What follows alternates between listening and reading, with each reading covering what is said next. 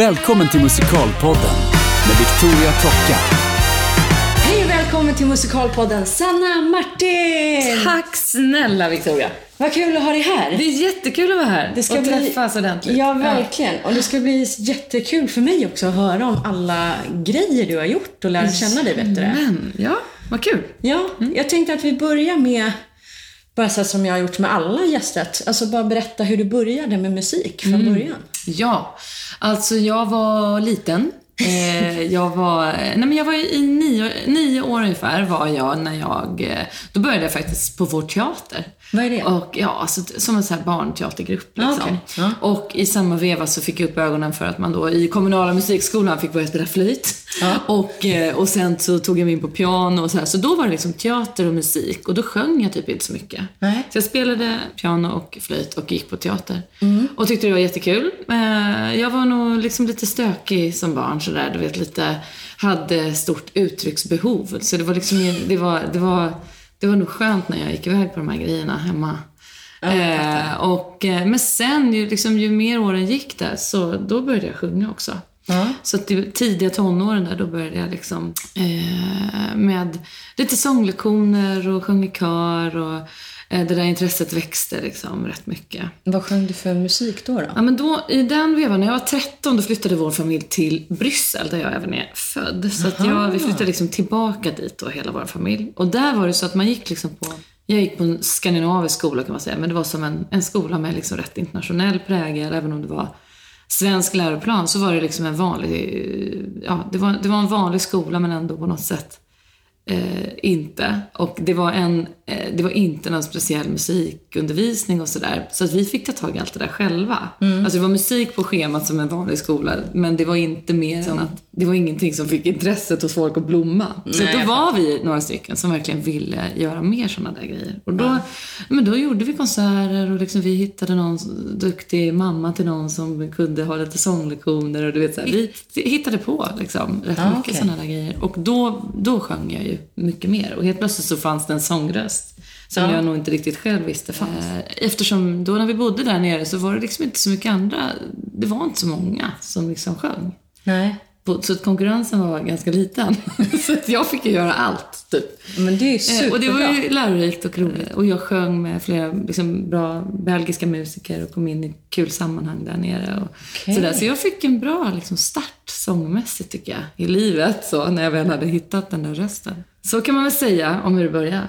Ja, och vad hände sen då? Sen flyttade ni hem till ja, Sverige? exakt. eller? Sen gick jag där nere i högstadiet, gymnasiet. Och det var jättemycket musik och teater och så utanför liksom, skolan för min del. Och sen så var jag väldigt inne på att gå någon form av liksom, sång, musik och teatergrej när jag liksom hade blivit klar med gymnasiet. Så då sökte jag in på Kulturama och så kom jag in där. Och då gick musikal- Jag, nej, det är faktiskt inte. Utan då gick jag så pop och, pop och rocksång. Okej. Eller jazz och pop hette det på den tiden. Eh, ett år, sång och musik. Ja. Och det var ju som att komma till himmelriket liksom. Man hade gått så här, det vanligt högst upp till gymnasiet och, och kommer från en familj som inte har liksom en direkt teater och musiktradition. Eh, så. så att jag hamnade ju bland likasinnade helt plötsligt och fick liksom utlopp för massa eh, kul grejer som jag hade längtat efter att lära mig. Och träffa jättebra lärare som inspirerade och som jag fortfarande vet jobbar kvar där. Och jättekul år var det. Verkligen. roligt. Ja, det var det. Och i den vevan så fick vi reda på, vi som var elever där, att ja du, eh, nu har de audition här till um, Sound of Music på Göta Lejon. Så. Jaha, så, här. så kom jag ihåg att jag gick dit eh, en lördag morgon och vi hade haft någon konsert på fredagen och jag var kavhes och gick dit på den här audition och tog mig på något sätt in i den produktionen. så det var, då fick Vad jag mitt första där? jobb. Då spelade jag en av nunnorna Vad i kul! Sound of Music på Göta Lejon. Och det var 95 hade den premiär. Så det var och då var ditt jag första 20 år. Ja, precis. jobb kan man säga. Det var mitt första jobb, absolut. Och det var, det var ju eh, från att liksom ha gått ett år sång och musik Mm. till att få ett sånt jobb. Det skulle ju nog väldigt sällan hända idag. Mm. Så jag hade ju en jäkla tur alltså. Och, Men eh, mycket handlar ju också om De ville få ihop plats. klangen. Du vet Ja. att det var jättemycket klassiska sångare och så var det några där med mer musikalbakgrund och så var det några med pop och rock eh, liksom röster. Så ville de få ihop en bra klang i den här lilla nunnekören som skulle Mm. vara tio personer. Och då ville de ju blanda. Så att jag, jag hade ju tur tror jag där att komma med Rätt plats vid rätt tillfälle, Eller hur? helt enkelt. och det blev ju en långkörare och en superskola för en ung, hungrig Ja, artist som jag var. Så att eh, jag stod där om kvällarna och tittade in på alla gamla rävar och sög åt mig. Ja. Ja, Men det är nästan den bästa utbildningen Ja, men det var fantastiskt. få faktiskt. det var underbart. Det var ju liksom sju föreställningar i veckan spelade vi. Ja. Och då var det så här att den tiden så var det liksom inte så kinkigt det här med avtal och rätt eh, lön och så här. Så att för att komma upp i en okej liksom, eh, föreställningslön. Vi fick sälja program innan föreställningen i foajén. Jo. Och då fick vi liksom komma upp till en nivå då som var liksom lite mer så här, eh, acceptabel i löne, lönemässigt. så, att det, så började allting där. Hela första terminen där, då spelade vi sju föreställningar i veckan och varje kväll fick vi gå ut och sälja program först och sen in och sätta på oss nunnedokan och köra igång Shit. föreställningen. Okej. Så att då spelade vi sju i veckan i ett och ett halvt år och sen spelade vi sex i veckan sista halvåret. När Tommy Körberg ersattes av Christer Sjögren. Så att det var ju liksom världens eh, år. Och så har man fått vänner för livet. Vi håller ju fortfarande ihop liksom, Ja, det här nunnegänget. Så det Vad är så kul. roligt. Ja, verkligen jättekul första jobbare. Ja, det förstår jag. Mm. Och som sagt, vi har, vi har ju pratat ganska mycket i podden både om auditions och liksom Mm. hur man startar naturligtvis och sådär. För att jag hoppas ju att alla som tycker om musikal ska lyssna på podden. Men framförallt alla de här som ska ut nu, Precis. ungdomar och de som är i början av sin karriär. Och då kan det ju vara superspännande att höra hur, hur olika det kan vara för folk. ja, men det är ju det. Man, Absolut. Ja, jag och Alexander Lycke pratade just om det här, att den, den viktigaste utbildning det är ju egentligen de första jobben man får när man kommer ut och verkligen får Mm. Ja, men verkligen. jobba Att och jobba, omges ja. av folk som är, som du säger, gamla rävar och folk som ja, det är verkligen fantastiskt. kan. Det är en liksom. gåva. Ja, men det är ju det. är- det. Man får göra så. Jag brukar säga det när jag är ute ibland på skolor och pratar och, Mm. och har hoppat in som vikarie lite här och där. Och det är ju så. Man får suga åt sig russinen i kakan. Allt jag säger kanske inte passar alla. Nej, Allt såklart. du ser på en scen passar inte dig. Eller alla kollegor du har kanske inte tilltalar dig. Men då får du ju liksom tänka ut vad du ska suga Mm. åt dig och vad du ska inspireras av och ta med dig vidare. Mm, precis. Och vad, vad hände efter Sound of Music då?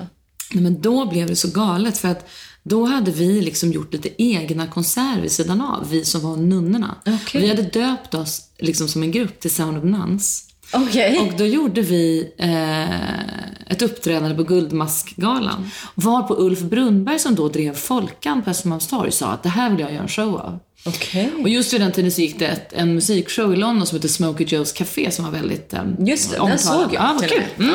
Så att baserad på liksom den grejen med kända låtar invävda i en annan handling med nya arr så gjorde de en show om ett kloster som gick ut på riksteaterturné med oss Vad kul! Nunnetjejer. Mm, och det jobbade vi med hela det året. Det var jätteutvecklande. Jag tycker själv kanske att det är den minst eh, kvalitativa helhetsföreställningen jag har varit med i. För att den var liksom inte så genomarbetad egentligen. Men det var väldigt kul. Vi var ju ett gäng kompisar som fick åka, åka runt i Sverige Ja, och träffa såklart. publik. Och Det var fantastiskt. Liksom. Otroligt coolt.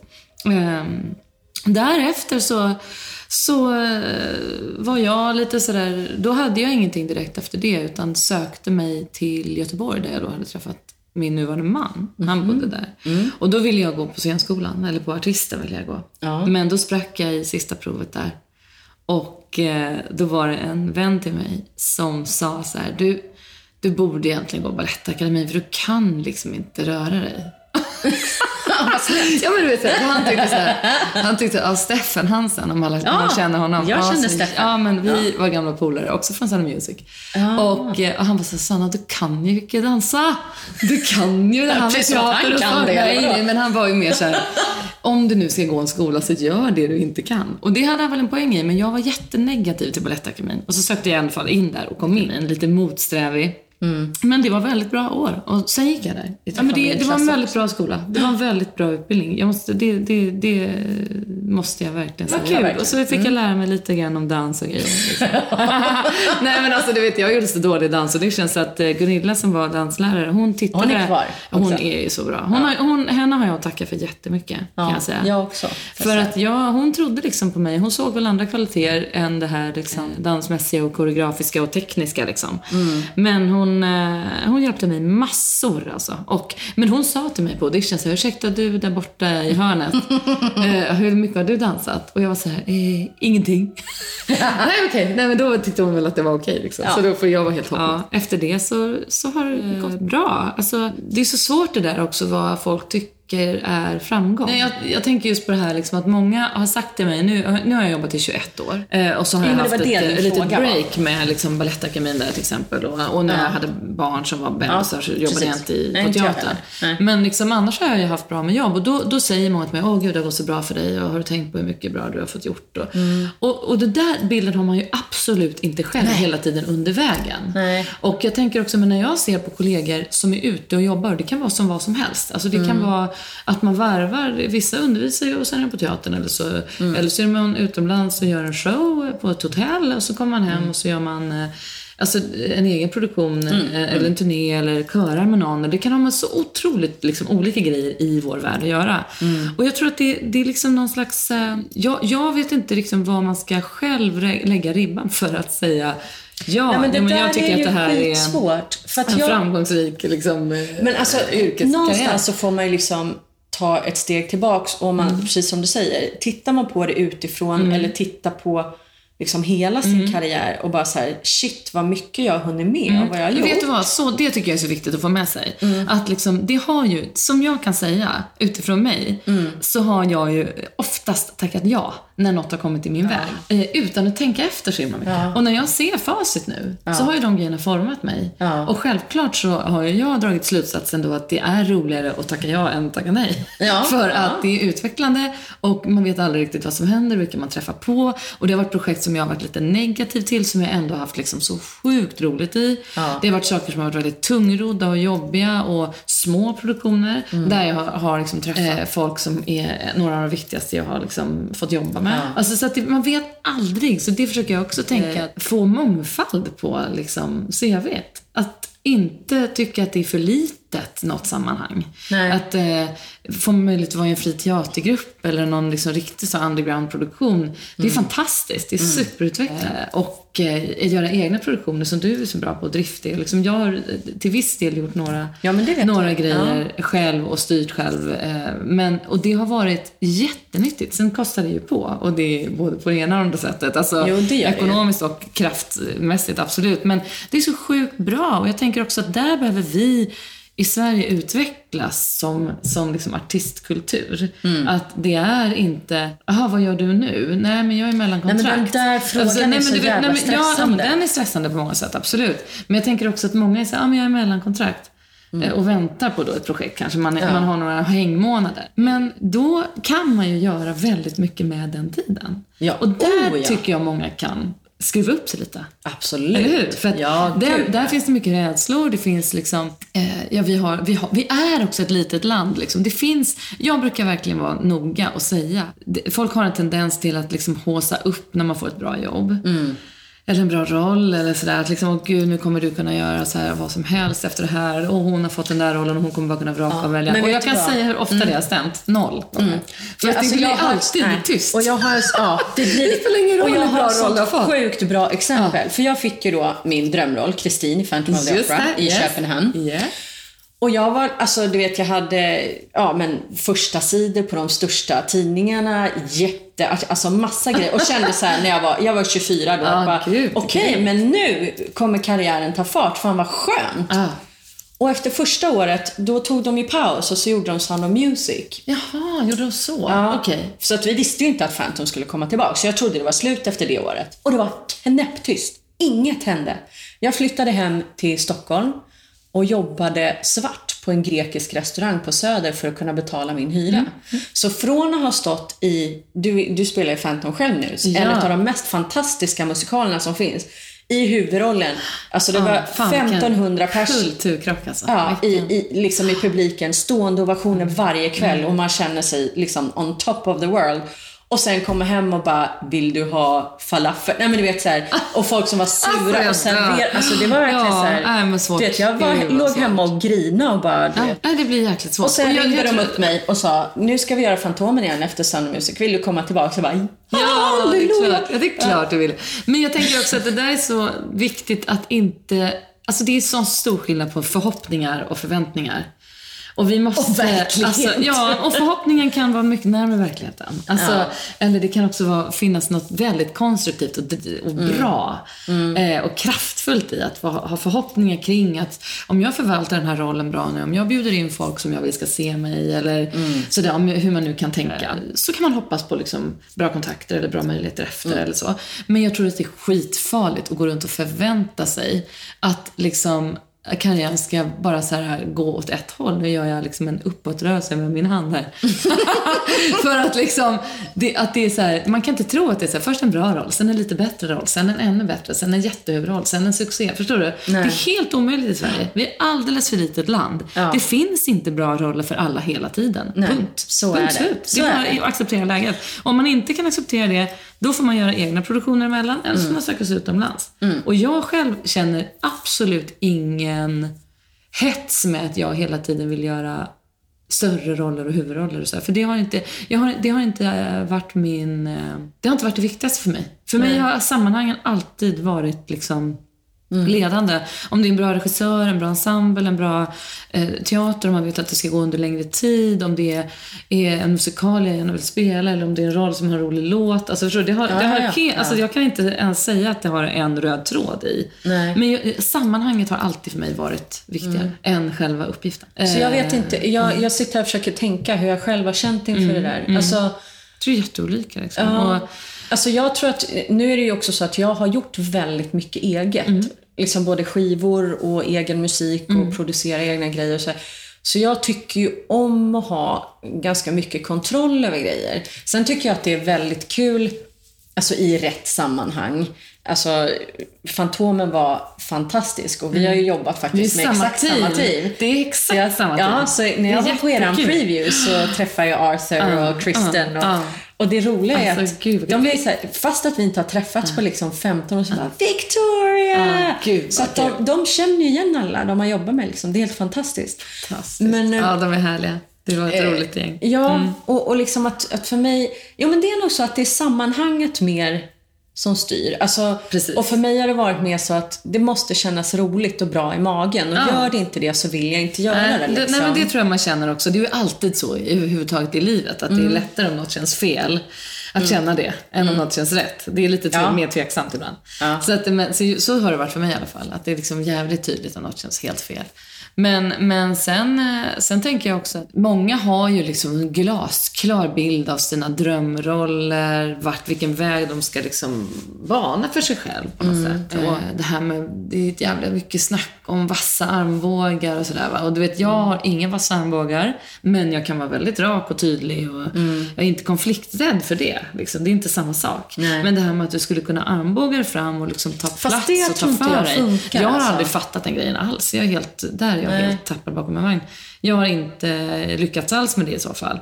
Och ehm, däremot så är det ju så här, du vet att jag är ganska bra på att höra av mig till regissörer, Mm. teatrar som jag har varit på, hålla kontakt med arbetsgivare, säga vilka jag vill jobba med. Sånt är jag bra på. Mm. Men jag kan inte säga så här helt ärligt att det har gett mig konkreta jobb.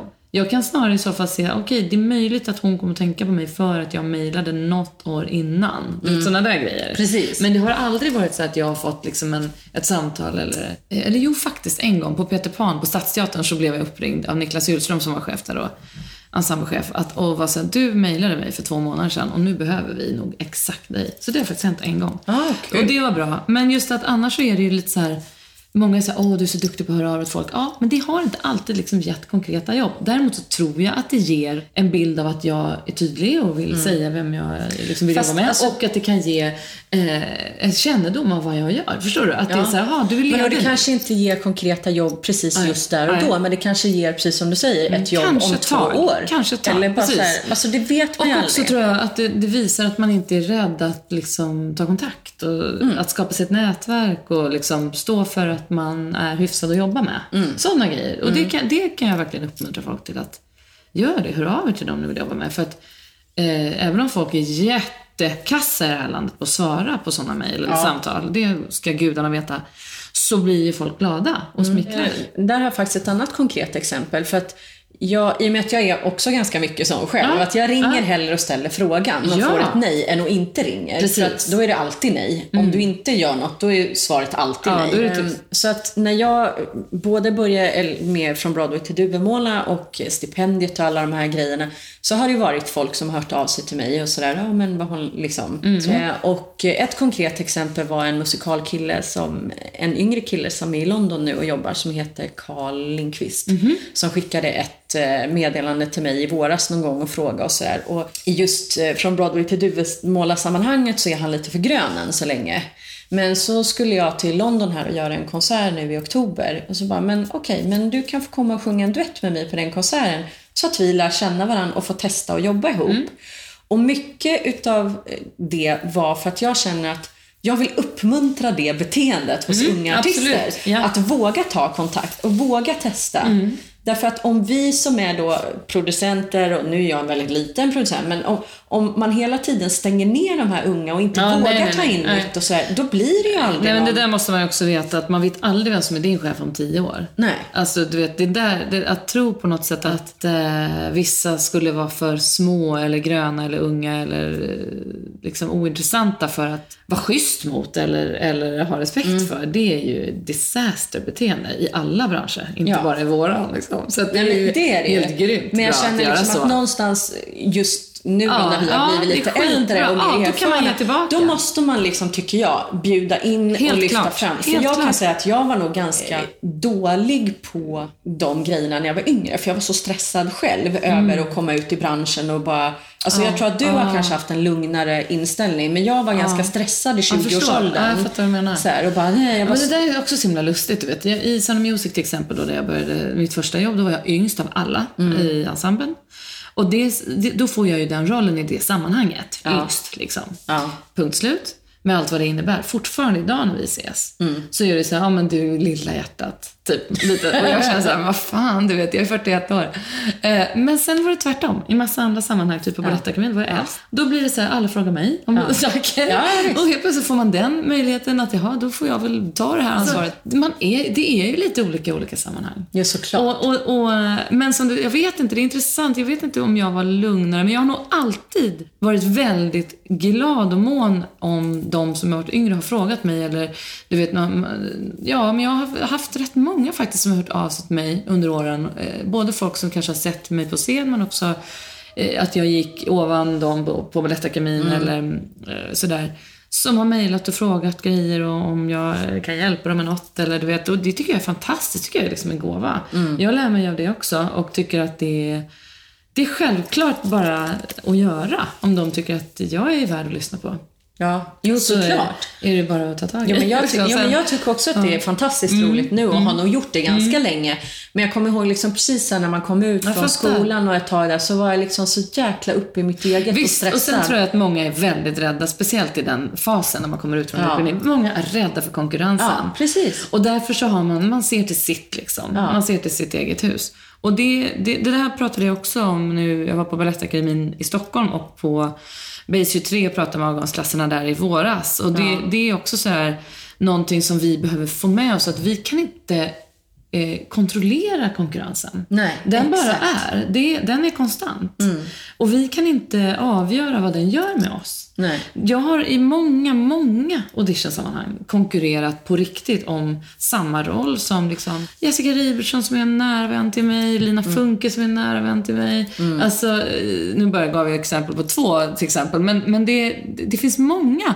Och bara för att man är då en sån brunett med kurvor i typ samma ålder, då ska alla fucka in en i samma hörn. Ja. Och man får samma sånger man får liksom söka för samma roll. Sen kan det vara så i verkligheten att, vad vet vi? Att juryn sitter och pratar om oss på helt olika sätt och kanske vill ha med två av oss. Eller, förstår du? Ja, det vet inte vi. Men känslan när man går dit med liksom hull och hår och satsar och känner att okej, vi står på samma jävla lista här. Vi som Ja. är ko- kompisar och ska gå och äta lunch om några dagar. Alltså det där är jättekomplext. Men man måste också bestämma sig för att liksom, det där kan inte vi påverka. Det Nej. där är en del i oss som är så här, ja, det, det, det, det, är så. Och det vill jag också säga, jag har gjort, eh, alltså Phantom är min 22 tror jag, stora scenproduktion. Alltså då, då pratar vi allt från liksom Phantom of the Opera-storlek till eh, en större revy eller en liten pjäs. Liksom. Alltså, Ja. alla professionella scenproduktioner jag har gjort Ja. så är det nummer 22. Och jag har fått eh, fem, sex jobb nu på auditions. Ja. Av 22. Och resten har varit Sex liksom... av 22, hörde alla? Ja, sex Nej men precis. Nej, men 22. Så att man ska inte tro att auditions är liksom the world. För att Det enda, det är inte det. Utan jag har fått väldigt mycket så här. Hej, vi såg dig där. Eh, vi skulle verkligen vilja att du är med i det här. Kan du bara komma och träffa dirigenten eller producenten? Och så Mm. är, är de liksom, jag vet redan från början att de är intresserade och så Mm. blir det som en, ett möte mer. Ja. Det har jag varit med om alltså säkert tio gånger. Ja. Tio produktioner. Liksom. Ja. Och sen ibland blir man handplockad och säger jag har bestämt att jag vill ha dig, vill du ha den här rollen? Ja, visst, liksom. det är Ja. ju så jävla privilegierat. Ja. Och sen ibland är det så här, ja du måste komma på audition, ja men då gör man ju det. Så att jag tänker också att det är jätteviktigt att man eh, är en schysst medarbetare. Mm. När man är ung artist, att man vet liksom värdet av att ta ansvar för sitt jobb och Ja. sig själv och sin attityd. Mm. Och att man eh, är smart och håller kontakt med dem man vill ha kontakt med och visar att man är värd att och liksom ge ett förtroende för ett Ja. jobb. Ja. Det är ju A och O. Och sen så tror jag att jag, jag har pratat om det lite grann i de andra poddarna. En del det här att jag kände liksom aldrig att jag riktigt passade in i det facket alltså, där min röst låg. För jag har ju alltid varit liksom, alltså jag är ju sopran. Jag har haft en så här liksom, vad ska jag säga, ganska flickig, eh, prinsessig, typisk Ja. ja. Ingenue sopranröst liksom. Ja, vad kul. Men min kropp har inte varit så där. lite. Det är inte klokt. Jag har Nej. hört dig alldeles för lite. Och min kropp har inte varit där. Jag fattar. fattar Utan precis. jag har varit eh, ja, lite för lång och lite för kurvig för flickrollerna. Alltså typ ja, eh. Cosette, Kristin, Ja, ja, allt det här som ja. jag borde ha gjort i 20-årsåldern. Jag var så nära så många gånger just för att rösten var helt rätt. Men fysiskt så var jag inte 100% det de letade Nej. efter. Och det har ju också skapat en enorm liksom, frustration. Och jag hade ätstörningar ett tag och har liksom hatat min kropp och mig Mm. Själv. Och du vet, haft Vidrigt. mycket sådana där grejer liksom. Ja, jag förstår. Det kan förstöra så Och mycket. nu äntligen, eh, alltså jag fyllde 40 år. Nu känner jag att de här grejerna börjar liksom äntligen. Alltså, Förstår jag du? skriver ju under på allting. Alltså min röst, Ja. den är fortfarande densamma. Den har blivit lite större, lite tyngre, Mm, lite ja, ja. varmare med åldern, för det blir det. Men nu har den liksom växt ihop med mitt utseende och min kropp. Och helt plötsligt så börjar det liksom dyka upp massa sammanhang och tillfällen där, alltså det känns som att på det sättet har jag varit en, en late bloomer. Liksom. Att min karriär känns som att den kommer liksom börja ta fart kanske mer på riktigt som jag önskade när jag var 20. Att den kommer hända nu istället. Det är inte säkert att det blir så, apropå Mm, Nej, men det här med förhoppningar ja, och förväntningar. Men det är en jättebra förhoppning det känns och det är som helt att- realistiskt med tanke på det du upplever. Ja, nej, men att fasen, alltså det är nu börjar det komma för mig. Vilket egentligen, alltså det är ganska häftigt Vet vid du vad, 40 jag är att helt bara, med i ditt liksom. eh, resonemang. För att det är så här, med mig, apropå det här med utseende och så. Jag är alltid, när jag var ung, Mm. när jag gick på Kulturama till exempel, innan Svan Music och allt det här, då var jag oerhört hes. Mm. Jag, alltså jag sjöng liksom, du vet, i så Guns N' Roses eh, band när jag var så Ja. 16. Alltså du vet, jag var skithes. Så när vi började spela Sound of Music, då kom ju röstproblemen som ett brev på posten. Men apropå det då, att man, jag var hes, jag jag var också kurvig och framförallt så såg jag ut nästan som jag gör idag. Jag såg inte så sjukt mycket yngre ut. Det kan låta jättekonstigt men alla som känner mig som hör den här podden, de kommer helt fatta vad jag menar. För att jag har inte ändrat mig så mycket utseendemässigt. Så att jag fick aldrig heller liksom, det var också svåra år på, vad gäller det här med typecasting och att jag såg äldre ut än jag var. Och jag lät äldre för att jag var rätt så hes. Nu har det växt ihop. Precis det du säger upplever jag. Och eh, där upplever jag ju också att man med åren, man kan vara en god karaktärsskådespelare eller en artist som kan förstå vikten av att liksom kunna göra karaktärer. Det kan man vara när man är ung också, men jag tror att det blir hundra gånger mer intressant och bättre med lite år på nacken och med lite erfarenhet. Och jag känner just nu att där jag är idag, eh, så kompetent och så eh, ihop liksom, växt med material och person och ålder och utseende och så. Det har inte jag varit tidigare. Så att det, det du säger med att man har en förhoppning om att nu kan det liksom lyfta till en annan nivå än vad det har gjort tidigare. Ja, det har jag också känt och det kan jag, jag kan absolut tro att liksom jag kommer få andra typer av uppgifter nu än vad jag fick förut. För att jag också har den självtilliten. Att jag har landat lite mer i att det här är jag. Och det, handlar, det, det är inte för mig samma sak som självförtroende. För där brottas jag jättemycket fortfarande. Men just det här att man känner att åldern har blivit en tillgång. det precis. tycker jag är jävligt coolt. Ja, en karriär går ju liksom i vågor, så Oh, är ja. det. Verkligen. Och jag har väl någonstans Skriv känt... upp, Ja. låt stå. Ja. Nej, men, och jag har väl känt någonstans att jag liksom under ganska lång tid så här bara du vet, försökt trampa vatten och hålla mig ovanför ytan och jobba vidare och Ja. jobba vidare och egna projekt. Sen liksom. En grej som jag tänker kan, kan appliceras på hela livet i stort, att man liksom, vi har en tendens till att och jaga så mycket. Att liksom istället för att, eh, jag tänker mycket på det nu på Phantom, där vi upplever en sån succé. Och där man liksom, redan nu börjar vi prata om så här, nästa år, efter det här. Medan jag kan känna så här, men hallå, kan vi inte bara chilla lite nu? För att nu, nu gör vi ju det här Njuta så det här. mycket. Vi spelar mycket och vi är många och Mm. sådär va. Och vi visste om det sedan länge, så att många har sett fram emot det. Ja. Så att nu måste man ju bara fan landa, känner jag. Man har liksom lite ett ansvar Mm. för sig själv att inte så här haspla förbi den här perioden. Men det tror jag också att man är bättre eller på med åldern. Absolut. Ja, ja, För ja, att ja, jag kan också känna Ja, så här, gud, ja. ja men som med, med Från Broadway till Duvemåla, om jag ska ta upp det lite kort. Så det är ju också ett projekt som bara har exploderat från egentligen en galen idé jag hade om att hyra Berwaldhallen för de enda pengar jag typ hade.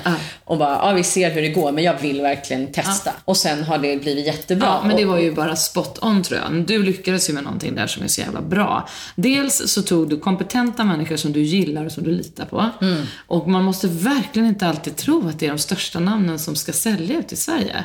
Ni är ju liksom ett sånt jäkla kompetent gäng som gör det här så sjukt bra. Och ni spottade in det i en tid där folk uppenbarligen eh, skriker efter något storslaget, romantiskt, en helhet där man får bli berörd, röster som får klinga ordentligt, där det inte är så digitalt. Alltså, ni har liksom lyckats med någonting som Ja, vi inte att- kanske visste att folk ville ha. Nej, precis. Alltså jag har ju någonstans kä- känt länge att alltså, vi måste bara nå ut till publiken. Ja, vi måste bara Ja. ut så att folk får höra och se. Ja, så fantastiskt. För att media har någonstans bestämt att nej, men och, och många av de stora produktionsbolagen, har vi inte ett stort namn, då går det Nej, inte. det gör det. Och jag var så här, jo men det gör Titta. det. Ja, det och det är visst. så fruktansvärt, ja men lite så här, ja rätt grej vid rätt tillfälle. och det är ju klart. ingenting man kan Helt veta förrän Nej, man testar. Mm. Men förrän man testar, och det är det du säger. Liksom, nu kanske inte alla vill hyra just Bäverhallen, men man kan verkligen, verkligen prova sina vingar och Ja. testa och sätta upp ett koncept. Och liksom,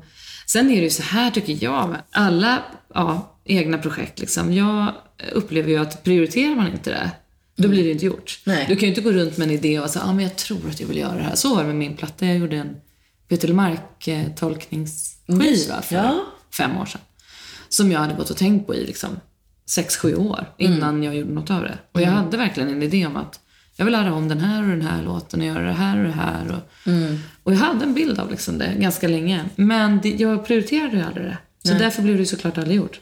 Men sen var jag gravid när vi spelade My Fair Lady på Oscarsteatern och det var ju också en, en långkörare som gick ett och ett halvt år. Där jag liksom hade mycket tid på dagarna och liksom jag var tvungen att inte jobba med skitmycket annat eftersom jag väntade barn. Ja. Så att jag var lite så här, men nu kanske så här, så hur vill jag att det ska gå till? Du vet, tänkte igenom det där och, in, och insåg att ska jag göra det här så gör jag det på det här sättet nu med den här tidsplanen.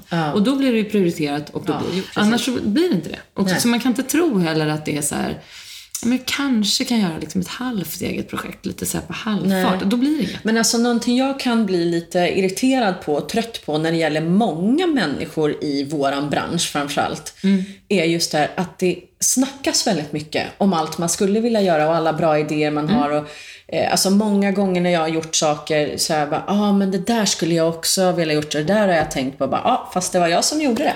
Ja. Alltså lite Ja. så här, ja Ja. men kom igen nu. Nej, men det är en jädra alltså, skillnad finns att vara så- en doer och Ja men det inte. finns ju så otroligt mycket bra idéer. Och bra människor. Och liksom så här, men jag kan bli lite så här, men fan gör det bara. Alltså gör någonting. Gör det, absolut. Liksom. Kör. Förstår jag menar? Ja. Och som sagt, man, man måste ju inte gå och hyra Berwaldhallen. Liksom. Nej. Nu var det bara en sån Ja, här, det är en skitkul idé. Det är klart att du skulle nu göra det när du fick råkade den det idén. bli så. Ja, Och, och men- det har blivit men, jättebra. eh, Men man, alltså, man kan ju, precis som du säger, börja Mm. på en, en liten nivå. Eller, alltså, Ja. För ibland är det ju så här också många projekt, i alla fall som jag har, har styrt upp och så att man har ingen aning om hur stort eller litet eller så det ska bli. Utan man måste bara börja ta det här första steget. Ibland blir det ingenting. Ibland tar det jättelång tid. Mm. Alltså förstår du? Men bara det här, gör någonting. Ja, och då känner man sig bättre själv. Ja, precis. Men nu är jag som sådär Phantom-älskare sedan jag var 12 och jag har gjort? Phantom. Ja, Ja, men ja. alltså det var, det var min, min drömroll. Alltså jag tror Oh, att wow. det var verkligen ja. så här, riktningen jag hade från att jag var 12. Det var Mm. det jag skulle göra. Fantastiskt. Men nu vill jag höra lite om din Phantomresa För att jag har ju förstått på dig att det var inte helt självklart att du själv i alla fall kände att du var en perfekt Madame Jury. Nej, jag har ju nej, sett, gud. eh, jag vill bara säga det, att jag såg ju en preview och tyckte att du var helt fantastiskt bra. Men gud vad kul. Nej men Tack. på riktigt, jag tyckte Tack det var snälla. jätte, jättefint. Men jag vill Vad bara höra din... Ja, alltså nej men du vet, det är ju som att svära i kyrkan, men det har ju aldrig varit en produktion som jag har sett mig själv i. Nej. Och det har inte varit en em, musikal som jag har lyssnat så mycket på. Så att jag hade i stort sett noll relation till Phantom of the Opera. Så att när jag hörde att den skulle upp, jag kan dra det här, jag har berättat om det förut någon gång, att jag hade inte tänkt att söka. Och jag var i Frankrike och får ett sms av Jessica, min kompis, som jobbade med att ta fram CVn till produktionen till och, Just det. eh, att sätta ihop audition. Och då får jag ett sms av henne där det står du ska inte söka eller för jag bara kommer att tänka på att jag har inte sett dig här någonstans. Nej, det ska jag inte, skrev jag bara. Så var den saken ur världen, trodde jag. Och sen, det var bara helt självklart. Jag hade inte ens tänkt tanken att söka. För att jag såg inte att jag hade något att tillföra liksom, produktionen och jag, jag hade inte någon bild alls av heller vad det var för roll som eventuellt kunde vara aktuell för mig. Så jag trodde alla skulle vara operasångare i stort. Det var därför jag tänkte så. Men då, eh, sen efter ett par veckor så hade jag ett eh, meddelande på min mobil som jag lyssnade av. Och då var det Peter Jöback som hade talat in ett långt meddelande där han bara sa att han hade förstått på våra gemensamma kompisar att jag inte skulle söka och att han tyckte det var helt fel och att jag måste tänka om och att jag inte förstod mitt eget bästa. Och att han visste att det skulle passa mig och att jag skulle ringa upp honom och så här. Så ringde jag upp honom efter någon dag och sa att nej men jag, jag är inte så bra på den här stilen och det, nej jag har inte tänkt att liksom gå dit. Och då blev han så himla så bestämd och var så här, du, vi känner inte varandra så väl jag och Peter, men han, vi har gemensamma vänner. Så att, Och han hade väl på något sätt på känn att jag kunde vara bra i det här. Så han bara sa så här, kan du kolla på de här, de här klippen? Och så ringde jag mig sen. Och så gjorde jag det och så ringde jag igen och förstod ingenting då heller.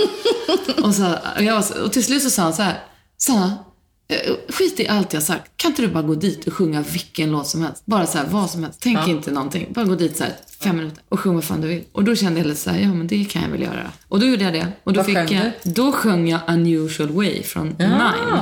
Den har hängt med mig länge. Det är en sån här sång som jag tycker är jättebra. Är lite dramatisk och lite, man hör liksom en, ja, jag är ju så sucker för det här lite vemodiga och sorgliga och så här. Nej men så den använde jag en del och då sjöng jag den och då var det liksom som en slags förvecka innan amerikanerna kom. Ja, okej. Så det var liksom snabbt avklarat, in och sjung ha, typ halva låten. Jag hade kortat den också för att jag jobbade med svin mycket annat den perioden och jag, jag var helt så här: jag kan bara klockan 10 på måndag och jag kommer korta låten. Så att jag var väldigt så pressad själv och inte så nervös. Eller så. Oavsett så tyckte väl de att jag var bra och passade så de skickade mig till callback. Och då fick jag göra en callback där alla amerikaner och så hade kommit och då eh, kom jag till audition och anmälde mig liksom, hej hej jag är här igen. Så då sjöng jag Unusual Way igen och så sjöng jag en snutt i slutet på Unexpected Song som slutar lite högt. I, liksom, Mm. Också Lloyd någon Webber. Mm. form av huvudklang som är Lloyd Webber då. Och det var lite det jag tänkte. Och då, då började de liksom Kristen workshoppa lite med mig där. Ja, och var så här, Kristen kan- Blodgett. ja, hon är helt, Hon är helt magisk, Det är ja. en av de mest häftiga människorna jag jobbat Kristen med. Blodgett är alltså, Alltså är legend. musical är- director för Man kan säga, ja, i världen. Och så Ja. är hon ju framförallt Lloyd Webbers förlängda musikaliska arm på Broadway. Ja, precis. Så hon får allt hans i knät och Så ser jag har till ju att det blir jobbat med henne också, Så henne har vi fått jobba med. Det är ju verkligen en ynnest. Hon Ja. är så entusiastisk och hjälpsam. Och en fantastisk personlighet. Alltså, nej men hon började i alla fall här, testa lite höjd och så med mig. Och då tog vi de här benen som man ska ta. Och så tittade hon på mig och sa, du de här tonerna, du tar ju dem utan problem, men du använder dem aldrig va? Nej, sa jag, det gör jag inte. Nej, okej, sa hon. Och sen så fick jag final callback och då var det för Madame Curie och då hade de mejlat liksom massor av noter och, och dialog.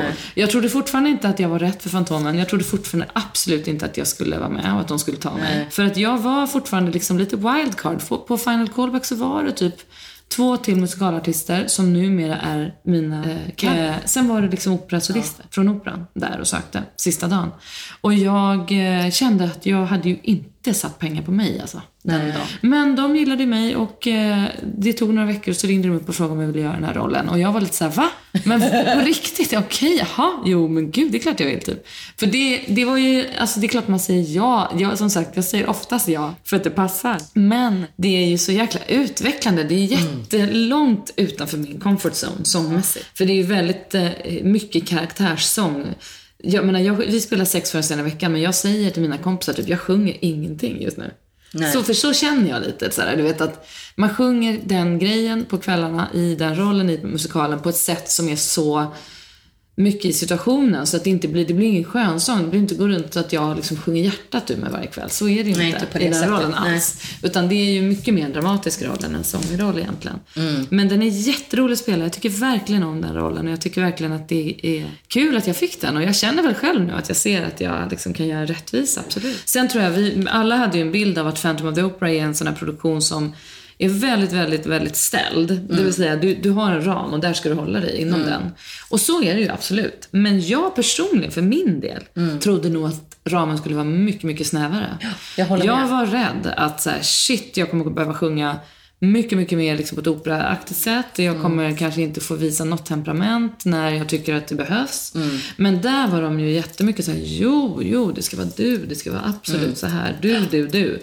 Men sen du vet, det var nå- någon grej jag gjorde som någon rörelse som de sa så här, nej det där passade inte riktigt, liksom, ta bort det där. Annars har de låtit mig vara väldigt mycket så här, i den rollen. Och jag tror att just vad gäller Madame Curie så är ju det en ganska stram karaktär som liksom är kontrollerad i stort sett hela vägen. Så att den ramen är så himla tydlig. precis. Sen tror jag det är värre för vissa som har känt att man driver en scen och vill göra det på sitt sätt. Liksom. Och där kan ramen vara svårare att hålla sig till. Alltså jag upplevde inte heller faktiskt att jag var så extremt hårt hållen som Kristin. Mm. Alltså det finns ju vissa naturligtvis tekniska grejer som du måste följa för att annars så får du en kuliss i huvudet eller ramlar ner i ett hål i golvet Ja, eller sådana där ja. grejer. Ja, så är det mycket med hela Så är det väldigt mycket, Ja. man vill inte dö Ja, helst. nej, det är ju väldigt mycket säkerhet i Ja, som, och det är väl därför mycket är väldigt snävt. Liksom. Mm, precis. Men inom de ramar som fanns så upplevde jag också att jag hade ganska stort utrymme för min tolkning av Kristin. Och jag tror att just med tanke på det vi pratade om innan det här med att jag kanske inte fysiskt heller var liksom den här lilla flickan riktigt. Så jag tyckte alltid att det var lite drygt liksom hela början i alla fall av första akten och så här. Och att det var roligare att spela andra Just akten när hon Ah, får börja okej. växa upp och Ah, bli... intressant. Jag var nog Mm. en ganska, eh, vad ska jag säga, några av mina favoritscener, Point of No Return, när jag var, tror jag, en, väldigt sensuell Kristin. Eh, och Final Lair när jag faktiskt var liksom en väldigt stark eh, Kristin. Eh, och att jag kände att liksom min, min Kristin växte väldigt mycket i andra akten av föreställningen. För att det passade mig bättre. Medan jag hade ju en alternerande Kristin till exempel som var på ett helt annat sätt. Alltså, det, det var en det är helt annan. Kristin. Det är ju verkligen liksom. olika Eh, och hon, karaktärer. ja, hon var väldigt flickig. De är också ganska olika nu, de som är Kristin. Alla. Men Men det är och- och häftigt. det- Och alla de som är mina covers, de är ju 1,80 långa och Ja. som små spagettistrån. Och skitduktiga, både Karin och Kinga som är Ja juryreserver. De är ju jätte, vi är jätteolika. Och det är Ja. urhäftigt. Men och det är det som är Du kan berätta storyn på massor av sätt. Alltså, du, ja, precis. Och, Och alla även går in fast, för fast att... ramen är ganska tajt Ja. så är det ändå liksom väldigt Ja, olika. ja, ja. Och där måste jag också säga en gång till att jag var ju ganska eh, tveksam till Peter som Fantomen. Alltså Aha, innan ja. jag såg det. För att Ja. jag var så här, Fantomen ska vara liksom för mig väldigt farlig, väldigt sexuellt driven. Alltså, väl- men jag måste säga att jag var skitimpad av honom. Jag tyckte att han gick in och gjorde sin grej och gjorde det jättebra. Ja. Det var väldigt, väldigt spännande att se Jättebra. hans version Ja, av Fantomen. absolut. Och just det här att ja, men, gå in med ett öppet sinne, liksom, oavsett vilken föreställning du ser. Även om du har en snäv bild av vad du själv tycker om. För att han gjorde verkligen sin egen grej inom ramarna tycker och gjorde det jättebra. Ja, men det är jättekul, verkligen. Jag var i London och kollade på den i maj och då spelade Emmy så det var jättekul. Då såg jag ju henne, hon som är våran Kristin. Eh, men det var också kul för han var helt annorlunda den från jag nu. Det är olika men ändå samma. Men jag vet att du inte vill eh, tänka så mycket på framtiden just nu, för att det är klart att man ska njuta av, av stunden man är i. Jo, men det men liksom, vad tänker Sanna Martin om liksom, framtiden som musikalartist? Alltså jag vill ju bara fortsätta få möjligheten att vara i bra sammanhang. Och det kan innebära för mig, jag känner ju verkligen att jag står mycket med en fot i liksom sång och musik och en fot i liksom teatermyllan. Och där någonstans emellan är ju musikalerna liksom. Ja. Det optimala berättandet kan jag ofta känna att det är. Sen är inte jag en sån här liksom, jag, jag, det är inte så ofta jag säger så att jag är musikalartist, men det är jag ju såklart. Men det är också för, av, av, av flera skäl. Det är ju dels för att jag har gjort ganska mycket som inte är musikal och sen så har jag, eh, själv känner jag ju att de som är riktigt liksom musikalartister som har hela spannet med sin dans och liksom det uttrycket, där, det har inte jag. Så därför känner jag att jag, jag, Fast det har inte jag, är jag inte helt, jag är inte helt bekväm att säga att jag är Fast jag tycker inte att det... Alltså, Bara, så jag säger att jag är Nej, det, men, ja, då, men säger, då lägger jag alltid till att jag är sångare och skådespelare, för det är det jag ofta har försörjt mig på. Liksom. Ja. Och jag har idéer på att göra skivproduktioner också. Ja, och liksom en konsertturné. Men jag är lite osäker på vad jag ska börja med, om jag ska göra något eget projekt först, eller om jag ska försöka liksom, eh, vänta och se om jag kan få ta del av något annat bra. Eh, musikal eller teatersammanhang. Det, det, jag är nog näst, mest sugen på det faktiskt, att fortsätta så här. Som jag, jag har haft några jättekul år nu, liksom där jag gjorde förklädet på Göta Lejon och Innan dess gjorde jag eh, Gardells senaste show som heter Mitt enda liv och innan dess var jag på Stadsteatern på Peter Pan. Och det har varit så här urroliga produktioner allihop. Och eh, sen gjorde jag Mass, eh, Leonard Bernsteins Mass i en scen, scenisk version i Oscarskyrkan.